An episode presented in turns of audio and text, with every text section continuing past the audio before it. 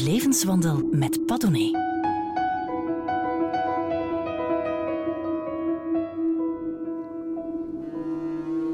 A.L. Snijders heet eigenlijk Peter Muller, maar dat vond hij de Duits klinken en dus werd het Snijders. Doodgewone naam voor de uitvinder van het ZKV, het zeer korte verhaal.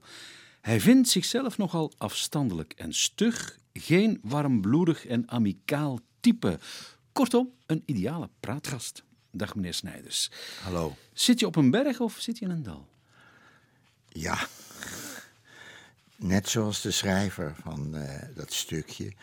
Ik zit erop en ik zit in, op de berg en in het dal. Hoe Dat is toch ook bij dat stukje zo? Hè? Dat we zo dadelijk gaan lezen, ja? Ja. En hoe kun je nou op een berg zitten en toch in een dal tegelijkertijd?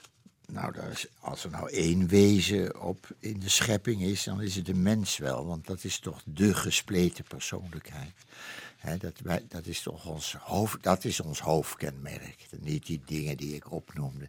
Maar dat is dat wij absoluut. En dat zal wel. Ik, ik, eh, eh, grossier in eh, eenvoudige waarheden hoor, waar je om lachen moet eigenlijk, omdat ze zo vaak genoemd worden. Maar dat is omdat wij weten dat we doodgaan. De mens wordt toch altijd zo getypeerd, omdat het het enige wezen is dat weet dat hij doodgaat, dat het eindig is. Dat schijnt geen andere zoogdier te weten. En dus maakt ons dat vanzelf. ehm, Zo gespleten. Want aan de ene kant eh leid je onder dat leven en, heb je, en je hebt er ook plezier in. En je denkt de ene dag zou het, eh, wat fijn zou, dat het zou duren, duren. En aan de andere kant denk je dan de volgende minuut, maar het is eindig. En we zijn er ook massaal mee bezig om het langer te maken en om steeds maar meer dingen uit te vinden. Om eh, ouder te worden, ouder te worden. Terwijl we weten dat die aarde dat eigenlijk niet aan kan. Dus die hele, dat zijn altijd die twee polen. En zo, En dan proberen niet gek te worden. ja, dat probeert je er ook nog bij te doen. En als je dan gek wordt een keer, dan laat je de baas niet je eh, cockpit binnen. En dan moeten die 149 eh, ook allemaal Dood. sterven. Ja. Je heet eigenlijk, of u, we hebben afgesproken vooraf, want eh, Ja. sommige luisteraars zullen zich storen aan het feit dat ik u, je, eh, of, of tutoyeer, maar Ja, waarom mag. zouden ze dat doen dan? Die luisteraars. Omdat wij hier in Vlaanderen toch eh, zoiets hebben van één, eh, hij is ouder, twee, Oh. je moet toch als journalist een, een, een afstand bewaren. Ja, ja. Begrijp je? Ah, Begrijpt u bedoel ik? ik kan het me wel voorstellen, maar je, je kunt het ook negeren. Wij gaan het negeren. We gaan het straal negeren. Je hebt jouw hele eh, professionele bestaan heb je doorgebracht als leraar Ik ben ook leraar geworden. Ja, eh, bij, in, op de politieschool in Lochem, dat is Gelderland, de Achterhoek De eigenlijk. achterhoek van Nederland. En je zegt, als ik eh, iemand moet vertellen dat ik Nederlands heb gestudeerd, dan schaam ik me altijd een beetje. Oh, staat dat ergens? Ja, dat staat in van je Ja, jij hebt het heel goed aan al, die papiertjes die ik zie, die jij in die boeken steken. Zie ik dat je toch heel veel dingen niet alleen gelezen hebt, maar ook als, als, als vingers steken ze uit dat boek. Ja, met excuses. eh, Ja, nee, niet excuses, maar dan laat je zien dat, dat, dat- Ik weet niet wat er allemaal eh, staat in die boeken. Nee, dat is. Heb je ze zelf geschreven toch? Dat wel, ja. Dat Ja, ja. Is, en he- heel die boeken die herlees ik nooit. En, en die andere trouwens ook niet. Ik ben niet zo'n herlezer. Tenzij jullie vragen of, je, of ik wat tekstjes wil opsturen, dan doe ik het wel. Maar, Maar over dat leraarschap Nederlands, het is niet de eerste keer dat je dat eh, zo schrijft. Heb ik dat vaker Ja, vaak hè? Oh. Dat je, dan geef ik nooit argumenten daarbij. Soms, soms, soms wel. Maar het, het, het is mooi hoe je daarmee eh, lijkt te worstelen. Aan de ene kant ben je iemand die heel erg eh, nauwgezet en terecht ehm, kijkt of, of een zin wel goed loopt. En, en je Ja. ergert aan vreselijke formuleringen en aan nieuwerwetse taal. En tegelijkertijd ben je dan iemand die zegt: ach ja, wat haalt Ja, het uit? dat is waar. Absoluut, ja. Het is heel goed dat je dat ontdekt hebt. Ja, dat is ook zo. Het, die, die dingen kunnen me niks schelen. En tegelijkertijd maak ik me er druk over. ja, dat kan dus. We zijn er eigenlijk wel, want we begonnen bij die dualiteit Ja. van eh, de mens. En dus ook van mijn eh, eh, dualiteit. Ja, Want je bent ook een mens, hè, tot op ik zekere een mens, hoogte. ja. Nee, helemaal, ja. Die wenkbrauwen van jou, daar wil ik het even over hebben. ja. Ik weet niet of ze legendarisch zijn, maar ze zijn bijzonder. Hè?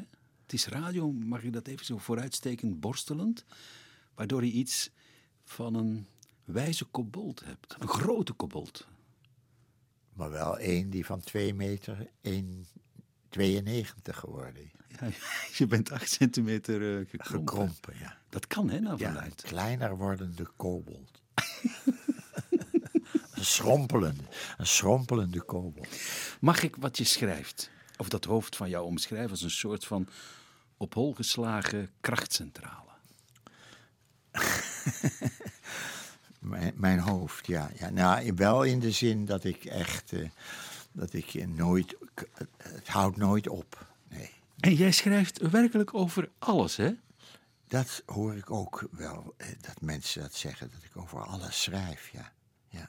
En hoe komt Daar dat? ben ik me eigenlijk eh, eh, niet zo erg. Want ik beschouw, me, ik beschouw eh, eh, eh, andere columnisten altijd als veel eh, veelzijdiger dan ik eh, mezelf beschouw. Misschien is het verschil hè, tussen de, de gewone columnist, zal ik maar zeggen, en A.L. Snijders dat jij hebt niet over alles een mening. Nee, nee. Ik heb, Over weinig eigenlijk. Ja, dat, ja, dat is absoluut. En dat wil ik ook echt eh, zo houden. Want ik vind dat, dat meningen gedoe, dat ja, nee, nee. Ik heb over er, er- ja, heel weinig dingen heb ik een mening. Tenminste, ik heb er wel steeds één, maar die is na tien minuten is hij weer eh, eh, veranderd. Ja. En soms durf, durf je zelfs in één tekstje jezelf gewoon tegen te spreken dan. Aan het eind van. Dan denk ik, ja, hij is even gaan plassen. Hij is teruggekomen aan zijn kant, eh, bureautje en hij is van mening veranderd. Of hij ziet het anders. Ja. ja, dat is zo. Ja. Dat vind ik eigenlijk wel een bijzondere eigenschap. Het wijst niet echt op standvastigheid, hè?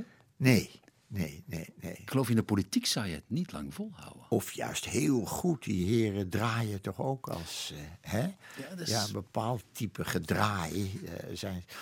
Maar eh, je moet als politicus kunnen draaien zonder dat je tegen de lamp loopt. En, dat, en als, als je dat, die, dat moet je ook beheersen. Hè? En als je daarmee fout zit, ja, dan word je uitgelachen in de Tweede Kamer. En dat is... eh, En jij maakt er je vak van en jij wordt erom geroemd en je krijgt er prijzen voor. Dat is het verschil. één prijs. Nou ja, Ja, maar wel een... eh, goeie hè? Ja, een goede, ja. Wij zijn aanbeland bij... eh, iedere gast hier in Bergendal mag een drietal teksten kiezen die toch wel ehm, essentieel zijn in zijn of haar leven. We beginnen bij Neschio of zeg jij Nessio? Nee, ik zeg geen van beide. Ik ben, eh, geloof ik, hoewel iemand heeft verteld dat ik zeg Neeskio, en ik wil het ook uitleggen, waar ik niet, niet weer 100% zeker ben of ik grammaticaal wel goed zit. Maar het is namelijk een, een woord, dat bestaat uit twee woorden, skieren, weten, en nee en e. Als, eh, en, en het is dus een open lettergreep. Als je het woord gaat aan, afbreken, dan doe je dat achter de e. En in Nederland spreekt iedereen het uit alsof er Nescafé staat. En je het dus afbreekt tussen Nes, achter de S, en, eh, eh, en café. Nescafé. Neskio. Maar dat is niet goed. Ik hou me dus eh, aan de grammatica en zeg Neskio. Neschio. En Nescio zeg ik helemaal niet, want dat is de katholieke Ja, uitspraak. ja, en dat, daar moet je niet van weten. Nee, van katholicisme moet ik echt niets weten. Maar aan de andere kant weer vind ik als ik, eh, hoe heet het, lees... Als ik eh, van het Reven lees, niet Karel, maar eh, zijn broer... Gerard. dan vind ik dat zo fantastisch, dat schrijven... dat ik dan denk, ik moet ook katholiek worden. Maar we waren bij Neschio. Ja, nee, Ik zal het maar eens op jouw manier zeggen. Nee, hoef je niet. Wat zeg jij altijd? Neschio. Oh, Zoals. Nescafé. Dat is de Nescafé-uitspraak. Gaan luisteren. Ik zit op de berg en kijk in het dal der plichten. Dat is dor, Er is geen water. Het dal is zonder bloemen en bomen. Er lopen veel mensen door elkaar. De meesten zijn wanstaltig en verwelkt en kijken voortdurend naar de grond. Enkele kijken nu en dan op en dan schreeuwen zij. Na enige tijd sterven zij allen. Toch zie ik niet dat hun aantal mindert. Het dal ziet er steeds eender uit. Verdienen zij beter? Ik rek mij uit en kijk op langs mijn armen naar de blauwe lucht. Ik sta in het dal op een pleintje van zwarte sintels, bij een kleine stapel afbraakplanken en een onbruikbare wasketel. En ik kijk en ik zie mezelf zitten daarboven en ik jank als een hond in de nacht. Uit het, enfin, het dal der plichten van uh, Neschio. En het is A.L. Snijders die het las. Wat een geweldige eindzin. Een mokerslag. Ik jank als een hond in de nacht. Ja. Maar ik vind persoonlijk iets anders zo goed. Namelijk dat hij een onbruikbare wasketel. Dat, dat vind ik is voor mij het hoogtepunt. ja. Waarom? Ik heb altijd zulke dingen. Ja, ja, nee, maar het mag. Leg eens uit waarom dan. Is dat, is dat uh, melancholie? Is dat die Nee, ik vind, die, die, eh, ik vind dat. Dat wekt bij mij het meeste emotie op in dit stukje. Dat die, die afbraakplanken ook niet, die liggen er iets te eh, dik bovenop. Zoals ook die laatste regel te dik is. Maar een onbruikbare wasketel, die zie ik zo voor me. En dat is zo'n symbool van het nietige. En Ja. het, eh, ja, ja. Je hebt veel verwantschap met Neschio, maar ook met Elschot zeg je... Ik ben ook geneigd om te zeggen dat ik nooit jong ben geweest. Dat ik meteen al een oude Ja. man was. ja, ja, ja. Dat vinden zij ook van zichzelf. Ben je oud geboren? Ja, dat heb ik altijd, eh, heb ik altijd gedacht, ja. Dat ik al die, dat ik niet zo'n erg eh, eh, gewone opstandigheid heb gekend. Ik heb bijvoorbeeld die puberteit, die, eh, ja, dat je je ouders veracht en zo. Dat heb ik allemaal nooit gehad, dat soort dingen. Nee, ik heb nooit... Dat is allemaal aan jou voorbij gegaan. Ja, dat is allemaal voorbij gegaan. Muziek, eh AL. Ik zal je maar AL noemen, hè? Ja, Dat is zo, zo Hollands, hè? Dat kennen wij dus niet, hè? Dat je elkaar... Nee. nee. Je bent gewoon eh, Peter of, of, of eh, Jozef of eh, Ahmed of, of Gerard, maar niet eh, AL of JJ of AA. Oh. Maar ik heb juist dit weekend bedacht, omdat ik in een min of meer vreemd gezelschap was, waar ik meedeed in een soort toneelstukje. En daar noemden ze me ook AL. En toen ineens dacht ik dat dat wel een mooie Joodse naam is. A, E, accent, L. L. Dat vind ik echt, dat is iemand die aan de klaagmuur staat. AL. Hè? Ja. Oké. En zo ga ik het wel eens een keer, denk ik, in de toekomst opschrijven. Right. Niet meer AL, twee hoofdletters, maar AEL. En hoe spreek je dat dan uit? AL, net zo. AL? Ja. AL. Soms kan muziek dankzij een tekst beter begrepen en gevoeld worden, zegt AL. Is het waar? Ja, dat is wat je allemaal niet zegt en ja, schrijft. Is ja precies. Ja. Dit is, is nieuw voor me. Mag ik jou verrassen met eh, een chanson, Frans chanson? Oh ja. Ja, het is eigenlijk eh, de soundtrack van een film uit 1952, Sous le ciel de Paris. Een film van Julien Duvivier. Ja. Ik moet daar een stukje uit citeren. We zijn het voor de uitzending al eens even samen gaan eh, bekijken. Sous le ciel de Paris coule un fleuve joyeux, il endort dans la nuit. Les clochards et les gueux sous le ciel de Paris. Eh, Onder de hemel van Parijs stroomt een gelukkige rivier die s'nachts in slaap valt. Zwervers en bedelaars onder de hemel van Parijs. Wij vinden dat een beetje een ZKV. Ja. Zullen we luisteren? Ja, heel graag.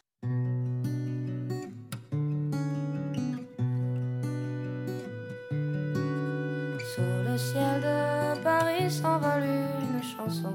Hmm. Elle est née d'aujourd'hui dans le cœur d'un garçon. Sous le ciel de Paris marchent des amoureux. Mm. Leur bonheur se construit sur un air fait pour eux.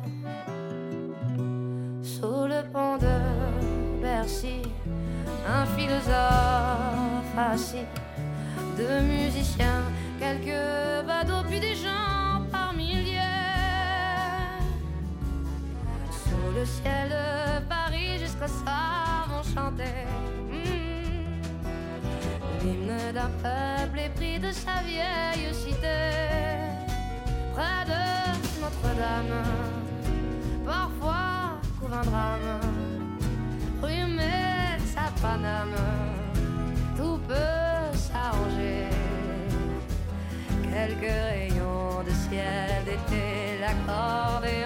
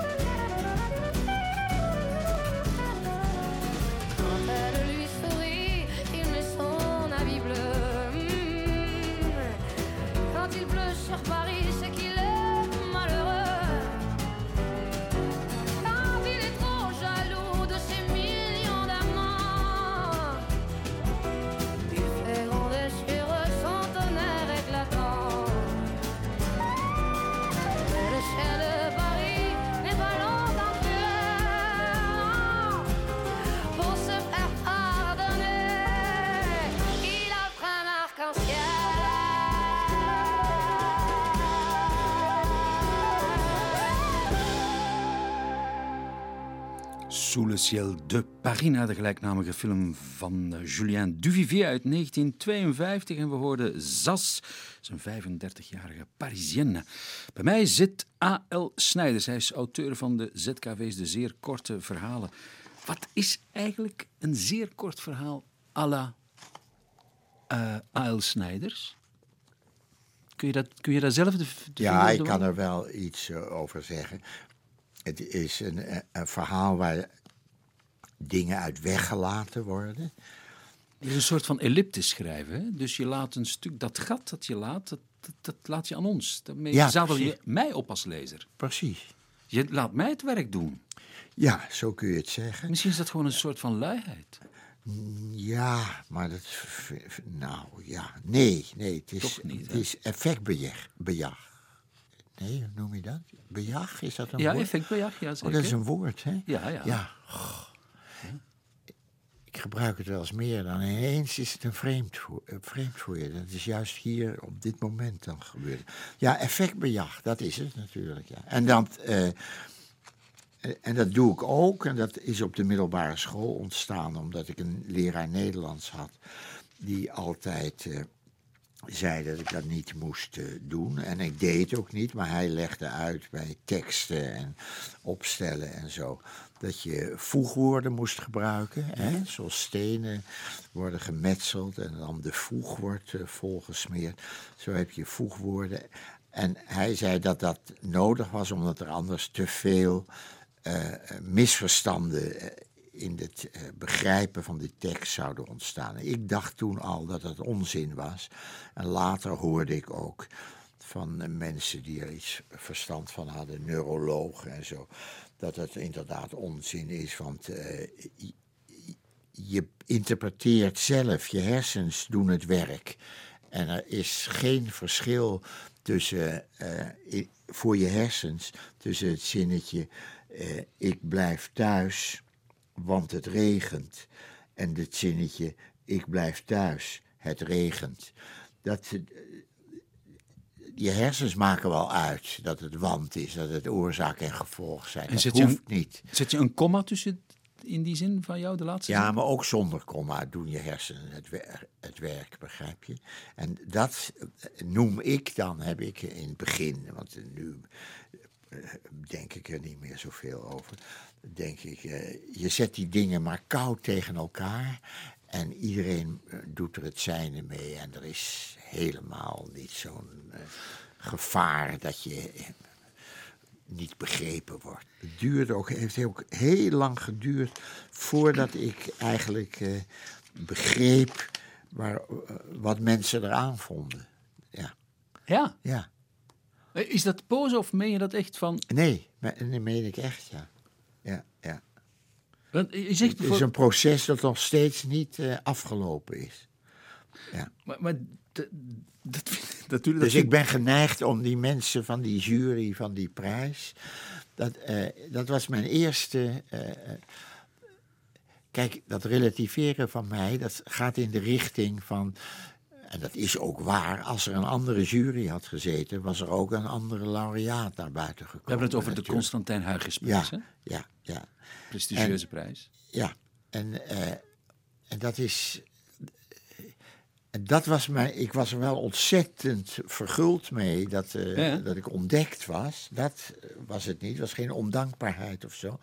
Maar ik was, dacht wel, ja, maar het is toch wel heel. hangt heel erg samen met een soort eh, toevalligheid eigenlijk. Dat, Maar jij... en nu denk ik er iets anders over. Nu denk ik dat ze toch iets eh, gezien hebben. wat Ja, ja. inderdaad anders is dan wat eh, andere mensen. Nu ben je er zelf achter waarom je... Ja, en nog niet helemaal. Ja, ja. Maar ja. het gaat wel in die richting nu. Eigenlijk leidt je een beetje het omgekeerde leven van de meeste eh, kunstenaars of auteurs die al heel jong debuteren en als wonderkind worden binnengehaald.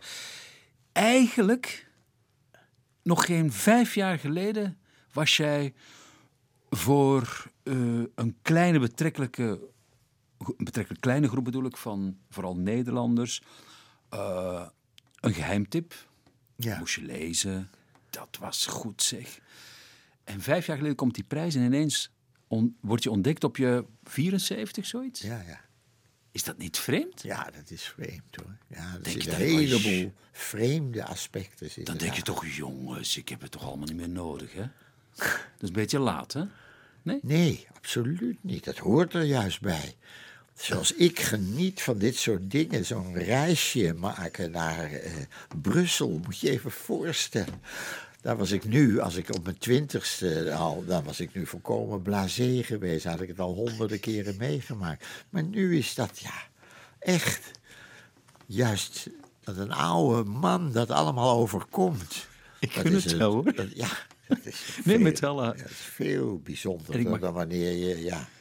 Ja, ja. Ja. En daar me- komt ook bijvoorbeeld nog bij dat ik dus mijn hele leven allerlei eh, eh, eh, schrijvers heb bekeken van afstand. Nooit mee gepraat, maar op de tv, de radio, op, in zaaltjes. En ineens, nu, die laatste jaren, kom ik al die mensen in, in levende lijven tegen. Dat is ook heel merkwaardig. Valt je- dat niet tegen? Nee, dat valt helemaal niet tegen. Dat is heel erg raar alsof jij ineens, bijvoorbeeld direct als je naar buiten gaat, Alice van Alice in Wonderland tegenkomt. Dat, dat zij dat is. Dat je, die literatuur die alleen maar bestond uit verhalen en boeken en mensen achter het glas, dat je die nu ineens eh, gewoon ontmoet. Dat is, een, dat is heel vreemd. Weet je wat ik... En dat heeft daarmee te maken als je. Ja, maar dat u nu over Nederlands en zo, hè? dus natuurlijk, jij kent heel dat eh, wereldje, maar dan al lezend, en als lezer en als leraar. We gaan zo dadelijk jou een ZKV laten lezen, maar ik wil toch nog heel even weten, wat in godsnaam voert een leraar Nederlands uit in een politieschool? Ja, dat was, ik heb op allerlei scholen lesgegeven. Op een gymnasium en op een HAVO. Op een pedagogische academie. Op het VWO-gymnasium. Alles heb ik gegeven. Maar de laatste twaalf jaar eh, heb ik eh, eh, bij de politie gewerkt. In een internaat bij mij in de buurt. Omdat ik van het arbeidsbureau moest. Ik was werkeloos geworden. En ik moest dus solliciteren. En dat deed ik altijd, eh, want ik ben wel plichtsgetrouw. Maar ik had de Volkskrant als krant. En dat is een Rooms-Katholieke krant. En daar stonden alle advertenties natuurlijk eh, in van Roomse scholen. En daar ging ik dus altijd solliciteren.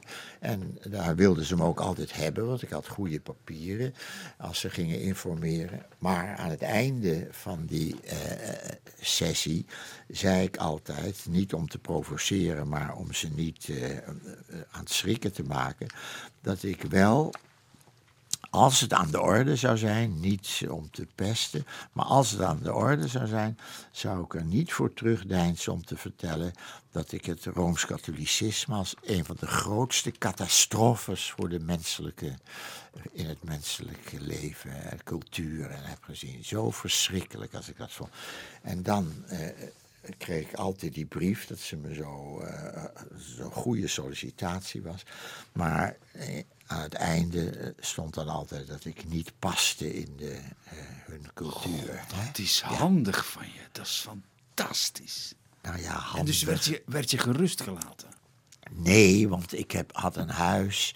En na een tijdje zeiden ze bij de sociale dienst dat ik nu het huis moest gaan opeten. Hè? Zo heet dat. Wat, wat betekent het dan? Ja, je huis opeten is dat je niet meer een uitkering krijgt, maar dat Juist. je het eerst moet je, gaat het eet je je huis op tot het niks meer waard is, al dat geld. En dan krijgen ze, en dan heb je Niks dus meer. niks meer. Dus toen schrok ik wel enorm. Eh, dus het was helemaal niet slim. Eh, jij bent een man die de wereld kent. En daarom zeg je, oeh, wat, eh, wat goed van je. Maar nee, het was echt waarheidsliefde, om En- het en- te zeggen. En toen ben ik dus, toen kwam het arbeidsbureau dat ik op de politieschool moest solliciteren. Toen dacht ik, nou ja, daar nemen ze me natuurlijk nooit. En toen bleek dat op een politieschool ze niets kan schelen wat jij van het katholicisme denkt. Dat is het echte het, het onderwijs zoals het moet zijn. En wie waren- Algemeen onderwijs. Wie waren jouw leerlingen? Agenten in spe? Ja, in spe, ja. Maar wel bijzonder, want ze, het was dus, ze, ze kwamen eh, van verschillende korpsen. Werden ze, ze solliciteerden, in Rotterdam bijvoorbeeld, daar kwamen de meesten vandaan. En die eh, kregen dan meteen een salaris. En van dat salaris gingen ze naar die, eh, eh, naar die school. En, en ze waren dus al, het waren geen jongens die nog weggestuurd konden worden of zo. Ze waren ook allemaal ouders, hadden allemaal middelbare school. Waren ook veel zij-instromers, zo'n soort woord, die al eh, marinier waren geweest en zo. En dat was en wel een hele, hele goede, eh, eh, goede sfeer. Omdat politieagenten namelijk, over gespleten gesproken, politieagenten zijn net zo gespleten als ik. Dat zijn, eh, eh, en dat komt door hun discretionaire bevoegdheden. Dat betekent, ze moeten zich wel aan de wet houden, maar ze moeten ook hun eh, boven zich gestelde van zich afhouden. Dus eh, als daar een inspecteur zegt, jij had daar moeten zijn en je reed toevallig ergens anders, dus jou wordt iets kwalijk genomen, dan kunnen zij zich erop beroepen dat ze zelf mogen beslissen waar ze zijn en dat ze dat, hè, en zelf beslissen, die laten we door. Als er een hele groep door rood rijdt, kan je niet gepakt worden dat je ze niet allemaal bekeurt, maar dat je er maar één bekeurt. Dat zijn discretionaire bevoegdheden. En omdat zij die hebben, hebben ze dat gespletene van eigen baas zijn en ondergeschikt zijn aan een ander. En dat was een mentaliteit waar ik me heel goed bij voel. Je schrijft, eh, je schrijft vaak over varkens, AL. Ja, ik heb lang varkens gehad. Ja, hè? Ja, fantastische beesten. Ja. Fantastisch, ja. Ik herinner mij een verhaal, maar je gaat het niet lezen over... Ik had er nog nooit van gehoord. Een binnenbeer. Ja, een binnenbier. Ja. Dat is dus een, een, een varken waarvan de testikels, zeggen ze dat Ja, zo bij eh, varkens, naar binnen zijn gegroeid. Ja. En dat, zo één had jij, hè, een exemplaar. Gigantisch groot. Hm. En dat, dat zijn ze dan on, achter jouw rug om, eh, heeft jouw vrouw dat eigenlijk verkocht. Min of meer, hè? Nou, Dat is een handel. Zo schrijf je het op. nou ja, ik weet het niet precies meer. Maar nee, hij wist het ook wel, die handelaar. Hun Ja, kon het niks schelen. mocht, ja. Kijk, Nederlanders of Westerlingen of zo, die willen zo'n beest niet hebben. Omdat die- dat vlees schijnt te stinken. Maar er zijn heel veel eh, volkeren die dat helemaal niks kan schelen. Waarom hou jij varkens? Of hield je varkens? Omdat ik dat zulke bijzondere beesten vond. Ik ging dus in 1971 van Amsterdam weg en in de Achterhoek wonen. En toen werd ik dus van een echt stadsjongetje, werd ik een eh, echte een landman. In de, z- niet van de ene dag op de andere, maar na een tijdje merkte ik wel dat ik dat toch was. Een soort van boer. Op klompen, hè? Nou, ja, die heb ik ook wel eens gehad. Ja, maar meestal laarzen hoor. Want dan kun je dus in die. Te- want je zakte er toch wel ver in vaak. Ik had een hele grote wei eh, voor die beesten. En eh, hokjes, klein, helemaal dik in het, eh, in het stro lagen. En, Maar goed, ik, ik zag dat dus bij boeren. Die hadden weliswaar hele andere varkens. Maar dat beest eh, op zichzelf is zo'n bijzonder beest. Die heeft toch al- net zoiets als een, eh, heeft een ele- elektronische centrale heeft hij in die neus. Wat hij allemaal kan onderscheiden en zo. Dat waren bijzondere beesten. Intelligente beesten? Intelligente? Ja, dat zeggen ze. Dat ze veel intelligenter dan honden en katten en paarden zijn. Zo, het zijn ook geen vluchtdieren. Nee, het zijn prima is jammer dat, ja... En ik heb eens zo- zo'n varkentje van een klas gekregen op de politieschool. was een verhaal op zichzelf. Maar daar hadden ze aan vastgeplakt geplakt de belofte van mij dat ik hem niet zou opeten. Want ik at ze dus na een tijdje op. Hè. En, eh, eh, maar, en nu een paar dagen geleden was ik in Amsterdam en stond ik daar ergens. En toen kwam er een vrouw op me af. En dat bleek een oud leerling van me te zijn. Eh, eh, volkomen toeval. Ze woonde ook niet eens in Amsterdam. Maar ze was ook al met eh, pensioen, moet je je voorstellen. En ze woonde in Lekkerkerk bij Rotterdam. Ze was ook eh, 25 jaar bij het Rotterdamse Korps geweest. En een van de eerste dingen die, die ze aan me vroeg. Ik zei: Zat jij in die klas met dat varken? Nee, zei ze, maar dat wist ik wel. Heeft u hem echt laten leven tot zijn dood? Ik zei: Ja. Dat wisten ze dus niet, maar dat weet die vrouw zich na zoveel jaren, weet ze zich dat te herinneren. Dat ze daarbij hadden gezegd, je mag ze niet doodmaken. Dat heb ik ook niet gedaan. Speenvarken. Dat is eh, Een een speenvarken. zeer ja. kort verhaal van A.L. Snijders dat hij zelf gaat lezen. Ja. Ik denk vaak aan een foto die ik nooit gezien heb. Hij is op oudejaarsavond 1926 genomen in Joegoslavië. Een man in smoking vermaakt zich in een nachtclub met twee mooie vrouwen in laag uitgesneden avondjurken. Onder zijn arm houdt hij een speenvarken. De vrouwen lachen en hij ook. Het varken lacht niet. Het houdt zijn bek wijd open. Waarschijnlijk krijst hij. Nu ik dit opschrijf, realiseer ik me dat het een uitdrukking is. Krijzen als een speenvarken. En ik realiseer me ook dat ik deze uitdrukking nooit meer hoor. Onze buurjongen werd vaak door zijn vader geslagen. De muren waren dun. Mijn moeder zei dan: hij krijst weer als een speenvarken. Er was geen televisie. Ze wist nog niet welke instantie ze moest waarschuwen. De tijd verglijdt en neemt de taal met zich mee. De man in smoking zou in 1938 de vader van de dichter Charles Simic worden. Hij had het varken door zijn handigheid verworven. Om middernacht ging het licht uit en werd om het nieuwe jaar te vieren een speenvarken losgelaten. In de ontstane chaos kreeg hij op het breukvlak van 1926-27 het beestje te pakken. Het licht ging weer aan, hij werd gefeliciteerd en kreeg een stuk touw dat hij om een varkenspootje deed. Daarna ging het feest door tot het ochtendgloren en eindigde in een ordinaire kroeg waar een dronken priester een jong liefdespaar in de echt verbond. Hij kruiste een mes en een vork om ze te zegenen. De vader van Charles Simic gaf ze het varkentje als huwelijksgeschenk. Toen ik varkens hield, zat ik ook wel eens een nacht in de schuur als er biggen geboren werden. De wind ritselde in de populieren en de uil schreeuwde. Een groot contrast met de feestende man in zijn Joegoslavische smoking. In mijn leven is bijna niets gebeurd, maar ik weet niet of ik dat moet betreuren. A.L. Snijders las zijn eigen verhaal Speenvarken. A.L. In mijn leven is bijna niets gebeurd, maar ik weet niet of ik dat moet betreuren. Over eh, ironie gesproken. Hè? Over ironie gesproken. Nou ja, maar toen ik dat schreef, dacht ik natuurlijk aan die vader van Charles Simic. Die is zo- zo'n lebeman en zo. Dat, dat is echt een heel fantastische schrijver hoor, die Simic. Ja. Dichter voor, voornamelijk, maar hij heeft dus ook proza geschreven.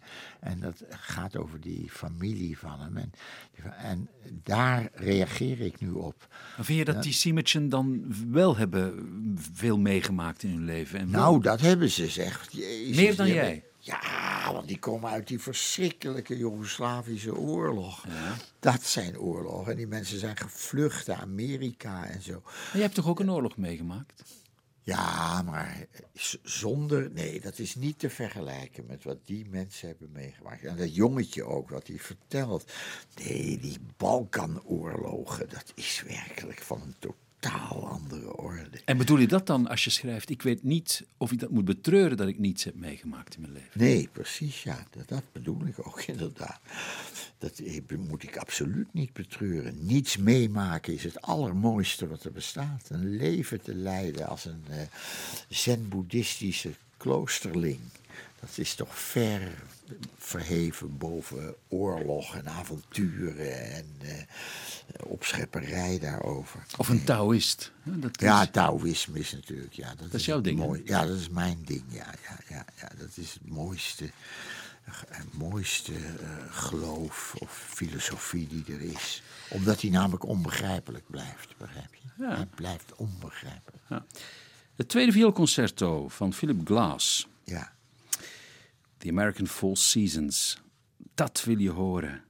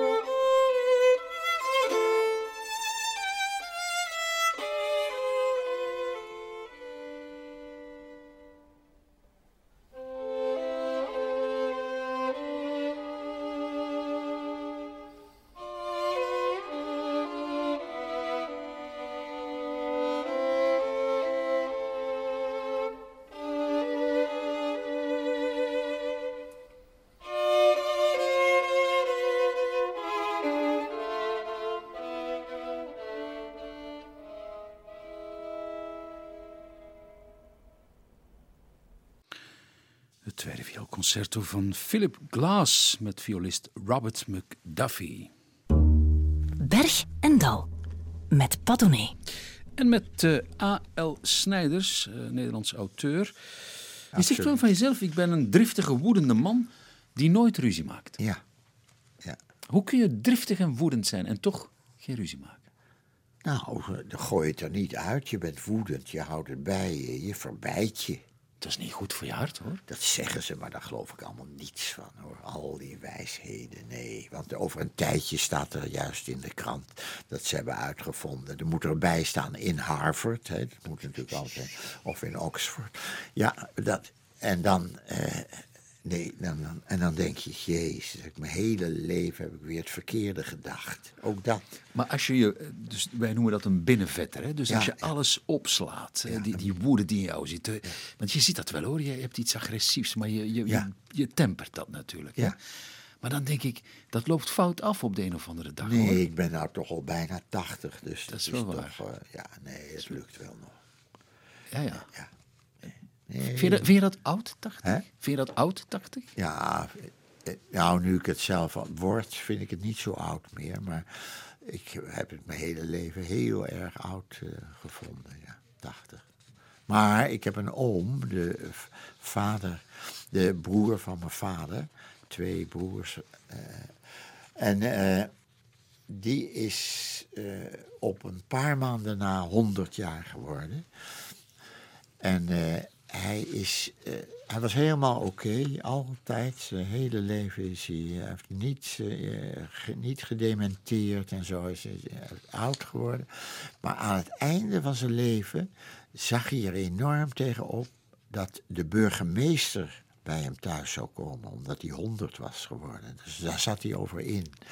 En, ik zei het, en dat zei hij wel eens tegen mij. En dan zei ik, jongen, dan zeggen we het toch gewoon af. Dan schrijf je een briefje dat je daar geen prijs op stelt. Maar dat kon ik hem toch niet van overtuigen. En toen heeft hij een andere oplossing. Hij is gewoon drie maanden voordat die burgemeester zou komen, is hij dood gegaan. Dus Iets radicaler, hè? Is jouw voorstel. Ja, dan inderdaad. Maar ik wilde mee zeggen, dat hoor je ook bij al die verhalen eromheen. Uit de krant en uit de televisie. Dat, eh,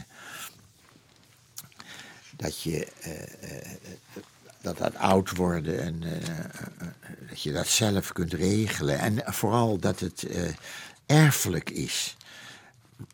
Nou, Dan zit u te goed voor, hè? dan zit ik er, ja, dan, dan wil zo nu en dan ne- neem ik zo'n eh, bakerpraatje aan en dan verschuil ik me erin, maar meestal schuif ik het van me af. Maar als ik zin heb om honderd te worden, dan denk ik, nou, ik zit met oude knarren in mijn familie. Heb je zin om 100 te worden? Als het op zijn manier, die manier is, dan wel. En natuurlijk. blijven schrijven natuurlijk. Als dat zou kunnen, zou het helemaal mooi zijn. Ja. We gaan jou nog één, nu je er toch bent. Hè? Je bent van het verre, verre achterhoek gekomen. 270 kilometer hier vandaan. Eh, we, gaan, we, gaan, ja, we gaan het echt jou de kam tot de bodem laten ledigen. Zo is dat. Hè? Wij zijn ook een beetje mercantiel hoor, bij Vlamingen.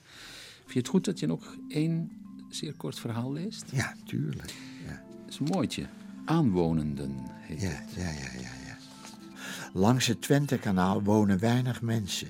De weg is rustig, want alleen bestemd voor aanwonenden. Over het kanaal zelf varen weinig boten. Rust alom.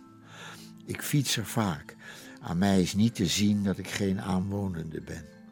De overheid heeft er toch een paar zware picknicktafels verankerd, voor alle zekerheid.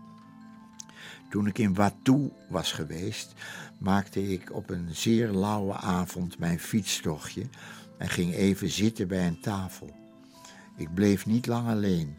Er schoof een toeristische fietser aan op wie ik niet had gerekend. Het was een man uit het westen, dus hij ging meteen tegen me praten. Hij vertelde dat het lot hem tot nu toe gunstig was geweest. Hij had gestudeerd in Leiden, hij woonde in Aardenhout, had een eigen advocatenkantoor. Zijn kinderen studeerden in Amerika. Zijn fiets zag er onberispelijk uit. Ik probeerde hem te overtroeven met de mededeling dat ik drie dagen in Watou was geweest.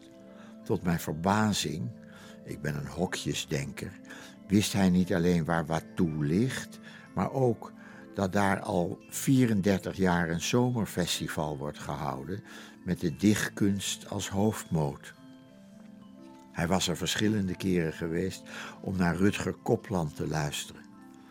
Ik vertelde hem dat hij nu kon gaan kijken naar de installatie van Sophie Kal, die twintig jaar ongelukkig was geweest nadat haar minnaar het per telefoon had uitgemaakt, omdat hij verliefd was geworden op een andere vrouw. Zij vertelt haar schokkende verhaal 99 keer aan mensen die bereid zijn een soortgelijk moment uit hun leven terug te vertellen. Ik zie de advocaat uit Aardenhout nadenken over deze ruil, terwijl er een zwaar geladen zandschip passeert. A.L. Snijders die zijn eigen verhaal vertelt. Er is vrolijke wanhoop. Ja, ja, dat is, ja absoluut. Ja. ja, die kal. Vreselijk hè, dat je twintig jaar kunt treuren om iemand die je verlaten hebt. Ja, is maar toch op, dom? op de manier waarop, hè, daar ging Ja, het om, per hè. telefoon. Ja, ja. Ja, nu is dat per sms hoor. Dat is nog sneller. Ja, precies. dat is toch gruwelijk. Dat zal jou niet overkomen? Niet meer, denk je? Nee, niet meer. Ik ben al eh 50 jaar samen met één vrouw. Ja. Vijf kinderen, negen kleinkinderen, één achterkleinkind. Nee, wauw. Jij zit met een overgrootvader aan Dat is tafel. onvoorstelbaar. Die vrouw die ook al inmiddels natuurlijk... En die kinderen personages zijn geworden in je oeuvre. We kunnen dat allemaal heel lekker nalezen. Bijvoorbeeld dat, dat je hem brieven schrijft. eh, als ze op vakantie gaan. Want je vrouw trekt er wel eens helemaal alleen op uit. Een maand lang zelfs. En dan schrijf je elke dag een brief. Ja. Dat moet je, ben je wel aan je stand verplicht. Hè? Ja. Je kunt toch net zo goed bellen of, of, of skypen? Of, dat doe je niet aan mee. Nee, dat eh, bellen zou ik wel kunnen doen. Skypen weet ik niet hoe dat eh, moet. Nee. Maar liever schrijven. Ja, er moet een pen aan te pas komen. Ja, Misschien moeten wij meer brieven schrijven naar elkaar. absoluut. Maar ja, dat blijven woorden. Dat zeggen heel veel mensen dat je dat moet doen, ja. Maar hoe? Maar dat gebeurt niet, nee, want er zijn een paar grote wetten. De grote wetten van de geschiedenis, van, de auto, de saxofoon, van eh, dat soort dingen allemaal, die gebeuren gewoon. En daar kun je wel over eh, piepen, maar eh, je moet het niet veralgemeniseren. Je moet zelf brieven blijven schrijven, als je daar zin in hebt, maar niet denken dat, dat andere mensen dat ook gaan doen. Nee, nee. Dan, het blijft een eigenaar. Het, het is van iets gewoons een eigenaardigheid geworden. Ik zal je vertellen wat ik gisteren gelezen heb. In het begin van de 20e eeuw, zo eh, voordat de eh, eh, Eerste Wereldoorlog uitbrak, waren er in alle steden van Engeland, kleine steden, zes briefbestellingen per dag. In elke stad kwam zes keer, omdat de mensen in dat Edwardians tijdperk allemaal wat er nu met Twitter en zo gebeurt, gebeurde toen gewoon op papier. Die aanzichtkaarten en die brieven die ze elkaar stuurden. En in Londen twaalf keer. Twaalf keer per dag kwam de post langs. Dus dat, dat was echt noodzaak. Maar dat kun je nu niet meer. Nu kun je er alleen maar pra- over praten zoals wij doen. Van, eh, er is een olifant gesignaleerd in mijn achtertuin. is heel vreemd. Ik heb een brief gekregen. Wil je nu wat weten wat mij is overkomen? Iemand heeft mij een brief geschreven. Precies, ja, dat is het. Maar dat komt nooit meer terug. Nu hebben wij die, eh, dat, dat, dat app-gedoe en zo. Ja, maar het klinkt alsof je zegt, het komt nooit meer goed. Nou, ik ben niet zo'n. eh, nee, nee. Ik, eh, als de individualiteit van de mensen maar niet wordt aangetast. En, en die van mij en van jou in de eerste plaats niet. dan kun je, heb je een heel groot deel over per dag. dat je kunt inrichten zoals je zelf wil.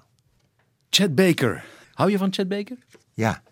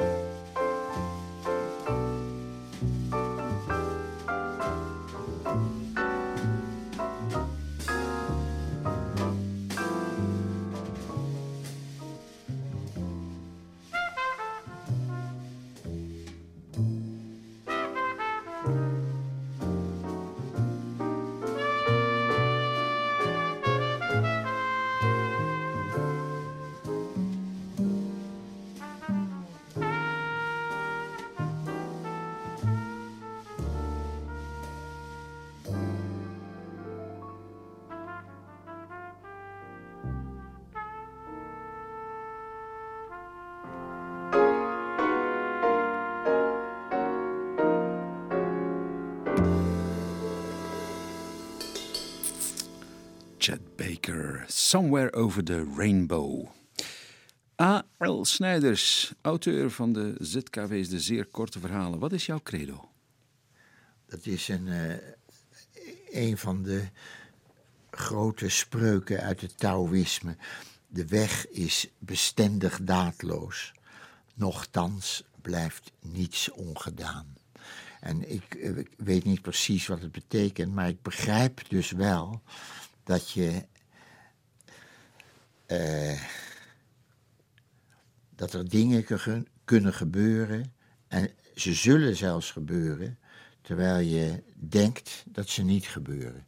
Dus dat je eigenlijk, mijn interpretatie dan, alleen de mijne, dat je er weinig greep op hebt.